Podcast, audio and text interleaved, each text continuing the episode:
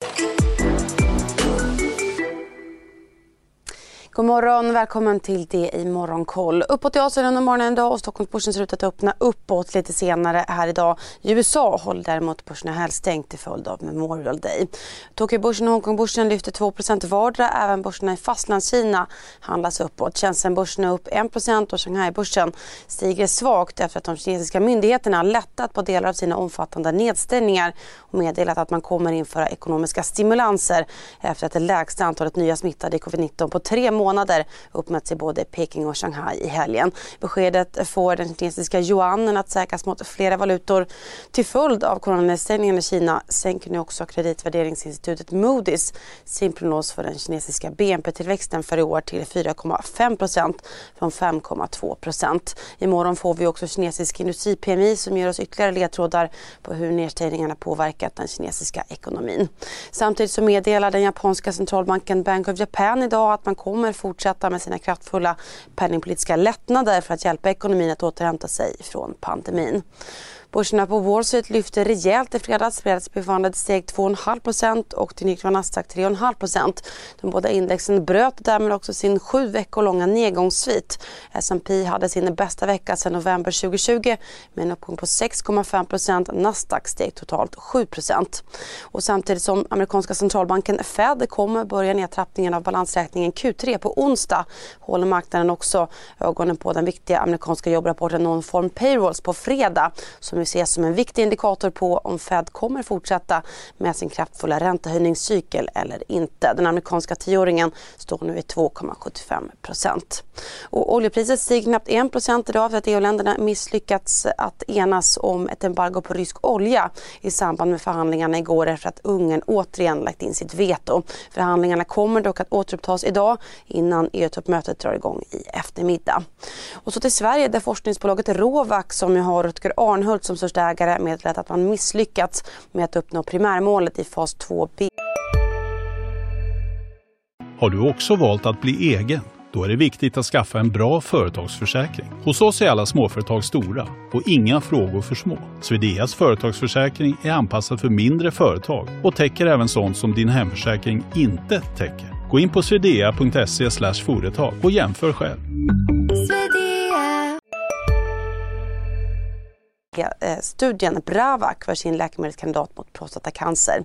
Och så har gamingbolaget Scout Gaming enats om en bryggfinansiering med några av de största aktieägarna till en marknadsmässig ränta för att lösa sina likviditetsbehov de närmsta månaderna. Idag så får vi svensk BNP-statistik från SEB för det första kvartalet och så håller som sagt USA-börserna stängt till följd av Memorial Day. Det är ju dock Börsmorgon precis som vanligt klockan kvart i nio och Börskoll klockan 14. Det får ni inte missa.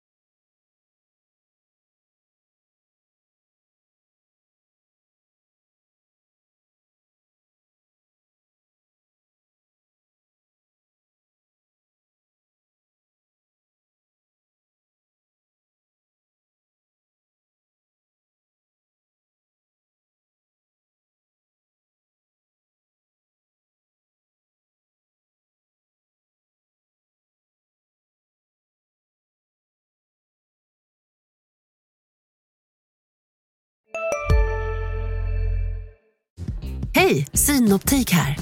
Så här års är det extra viktigt att du skyddar dina ögon mot solens skadliga strålar. Därför får du just nu 50% på ett par solglasögon i din styrka när du köper glasögon hos oss på Synoptik. Boka tid och läs mer på synoptik.se. Välkommen!